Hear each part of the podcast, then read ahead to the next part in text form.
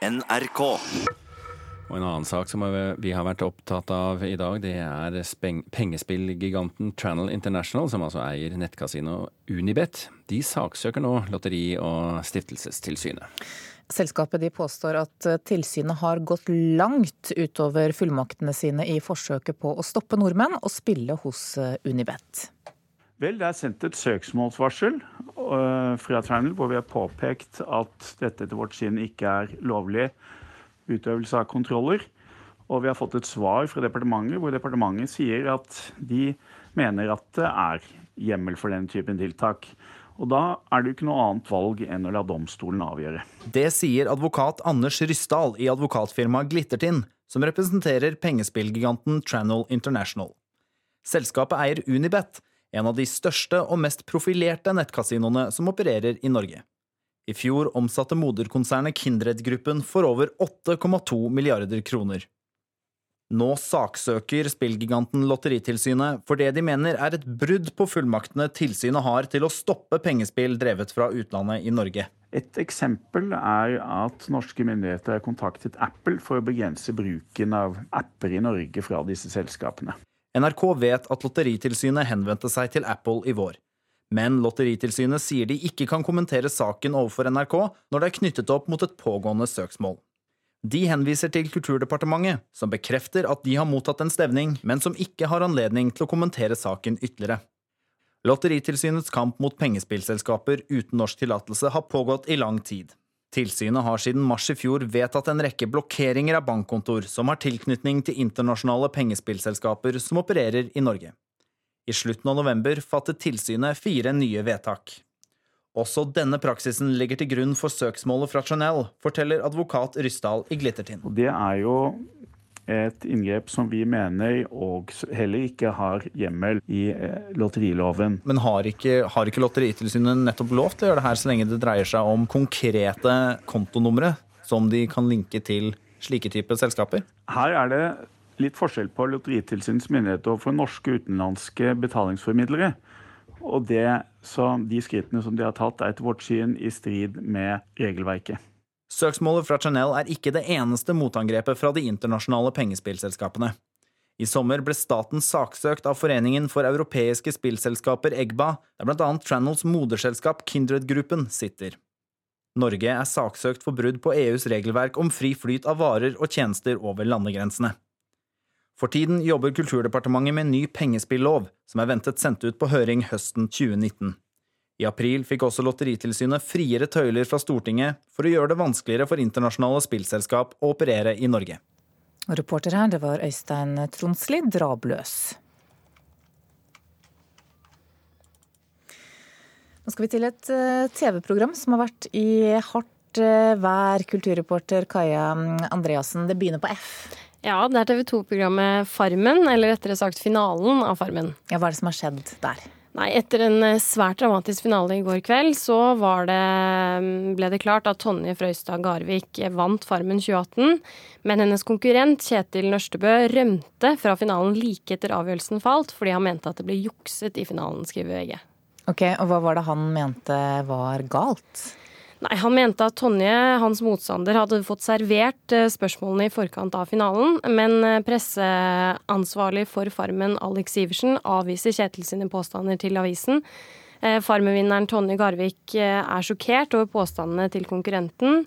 Og kampen for tilværelsen den har heller ikke gått helt rolig for seg tidligere i sesongen, da det har vært mye oppvaskmøter og dårlig stemning.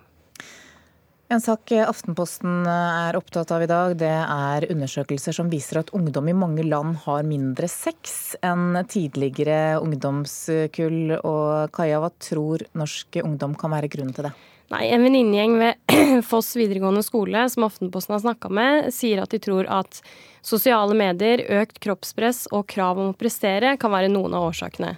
Også sjekkeapper som Tinder kan gjøre at det er lett å tenke at det neste er det beste. For spesielt i Vesten og i Japan så er det sånn altså at uh, ungdom har mindre sex, men i Norge så sliter man med å få kartlagt tall på dette ettersom uh, svarprosenten er lav. Forskerne tror likevel at den samme tendensen gjelder i Norge. Ja, porno, dateapper, lite tid uten voksne og press for å prestere foreslås som årsakene til sexnedgangen av Ungdata-undersøkelser. Psykolog Ole Jakob Madsen har skrevet boka 'Generasjon prestasjon', og tror at den digitale utviklingen sammen med at ungdom tilbringer mindre tid alene eh, med venner og mer tid med de voksne, spiller inn på denne trenden. Takk skal du ha, reporter Kaja Andreassen. Bokåret 2018 er snart over og har gitt oss tusenvis av nye titler. Og av alle disse så skal vi plukke ut noen stemmer sammen med to av våre litteraturkritikere. Anne Katrine Straume og Marta Norheim, god morgen. Hei, god morgen. Vi starter med et overblikk. Kan dere se noen tendenser i norsk litteratur i løpet av dette siste året? Eh, det er vel én tendens som vi har sett eh, i flere år, og det er jo disse samlivsromanene. Eh, den borgerlige middelklassen, som, hvor du har f.eks. navn som Geir Gulliksen, Trude Marstein, Marit Eikemo, ja, for så vidt også Vigdis Hjorth, som har skrevet om vår samtid og tette forhold mellom mennesker, enten det er et kjærlighetsforhold eller et familieforhold. Det er vel en trend som eh, fortsetter, Marta? Ja, og den er jo interessant. Altså, ikke minst Trude Marstein og Geir Gulliksen eh, viser jo i år eh, disse moderne menneskene som gjør helt idiotiske ting fordi at de kan. Og de, de prøver ut ting. De er et godt forhold, de prøver ut ting fordi at de kan. Og hvorfor gjør de det? Det er jo det store spørsmålet. Eh, og de skriver bøkene uten egentlig å moralisere over disse her personene, men liksom bare studere hva det er som, som skjer. Og da tenker jeg er en studie i det moderne mennesket, der også blikket spiller en veldig stor rolle når det gjelder eh, forholdet mellom mennesker. Hvis du ikke har blikk på deg, så forsvinner du på en måte. Mm, men er det noe nytt? Nei, hva er nytt under sola? Altså, jeg tenker disse personlighetstypene de, de, tegner fram, er ganske nye karakterer. Altså disse her som, som eh, ikke tenker framover, men som tenker i presens og lar impulsene egentlig styre det ganske mye. Eh, jeg tror at det er Ja, jeg tror det er ganske nytt, egentlig. Vi må se litt på de eh, bøkene, da, mer spesifikt eh, i forskjellige sjangre. Hvis vi skal trekke fram eh, noen, Anne Katrin Straume, begynner med deg. Ja, eh, jeg tenkte at jeg har lyst til å si litt om at I motsetning til denne trenden med samtidsbøker, så har vi også de historiske bøkene.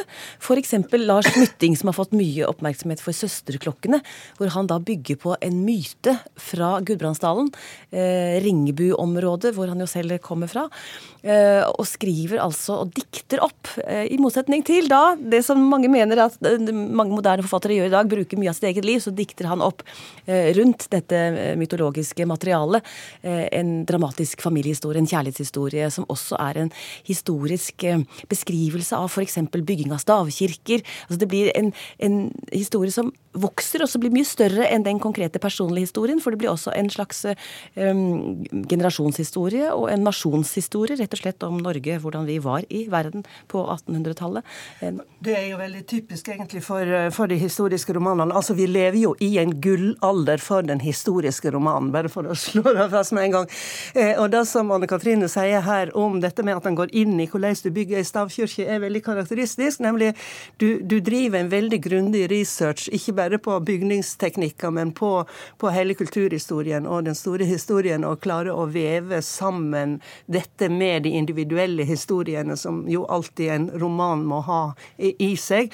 Og, og Mytting er jo et veldig godt eksempel, og et annet godt eksempel i år er Kim Leine med sort mann, eh, nei, rød mann, sort som handler om kolonialiseringa av Grønland på 1700-tallet. Og nå leste du en roman om det sist. der det nettopp handler om danskene som kjente til Grønland. Det handler om eh, hans egne, eh, Grønlands apostel, som kommer i konflikt med en grønlandsk sjaman. Det handler om konflikter på veldig mange nivå, mellom høy og lav i det danske miljøet, f.eks.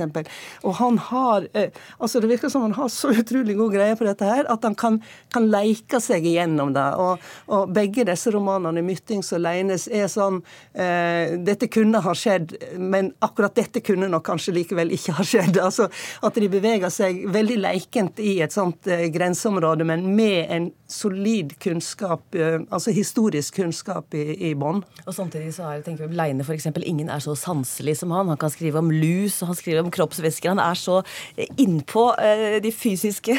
ja, men det er jo historisk korrekt. altså. Lus, lusfons. Hva med barne- og ungdomssjangeren? Ja, Det man kan merke, er at en større bevissthet om eh, miljøet og det å ta vare på naturen vår. Eh, F.eks. så skrev jo Ola Mattismoen og Jenny Jordal en faktabok for barn som heter Grønne greier, som bygger på at de også har en serie, en spalte i Aftenposten Junior om dette. Veldig fin bok. Så har vi også Kaja Dale Nyhus, som skriver en skapelsesberetning, 'Verden sa ja', som handler om hvordan alt dukket opp. Ikke en religiøs, men mer en darwinistisk evolusjonshistorie historie, men hvor også det kommer inn at ja, men noen vil ha makt, noen vil ha mer, som går på bekostning av de som er rundt. Vi må ta vare på det miljøet vi, vi er en del av. Men hvis vi skal oppsummere uh, året litt, har det vært et godt år? Jeg syns det var et veldig godt år. Eh, det er mange spennende, spennende, bøker eh, som jeg ikke tenker at jeg nødvendigvis har lest før. Veldig ofte så er det jo sånn ja, godt om dette, og det ligner jo på den og den og den og den, og alt ligner jo på noe annet. Men jeg syns det er mange som skriver originale bøker. Samtidig så er det mange av de etablerte forfatterne som er helt på høyden og kanskje skriver sine beste bøker. Blant dem er Britt Bildøen, 'Tre Vegard til havet', som også har en sterk miljøprofil.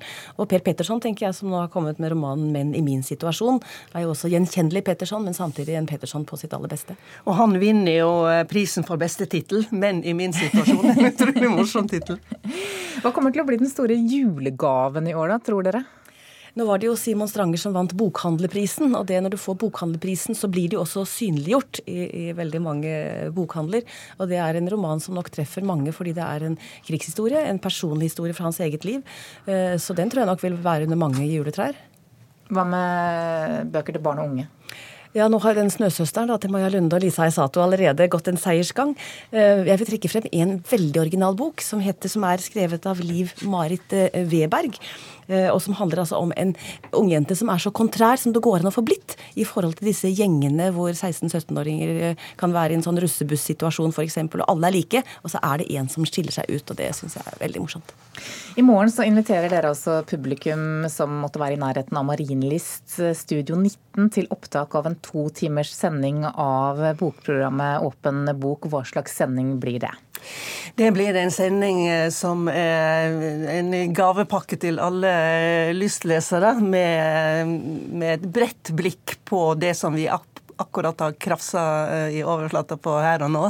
Det begynner, halv, det begynner klokka fem, men folk bør nok møte opp halv fem. Det er begrensa med plasser, men vi håper vi skal få trykka inn eh, de som, de som kommer, og de er hjertelig velkommen. Ok, men Hvem er det som kan komme? Eh, ja, Hvem som helst? Ja, alle kan jo komme. Altså, Små barn vil nok ikke ha samme utbytte som voksne mennesker, men ja da, alle er velkommen. Selv om man ikke er litteraturviter? Absolutt. Ja, man må være bokelsker. Ja. alle kan høre resultatet i hvert fall på nyttårsaften på formiddagen klokka ti i P2.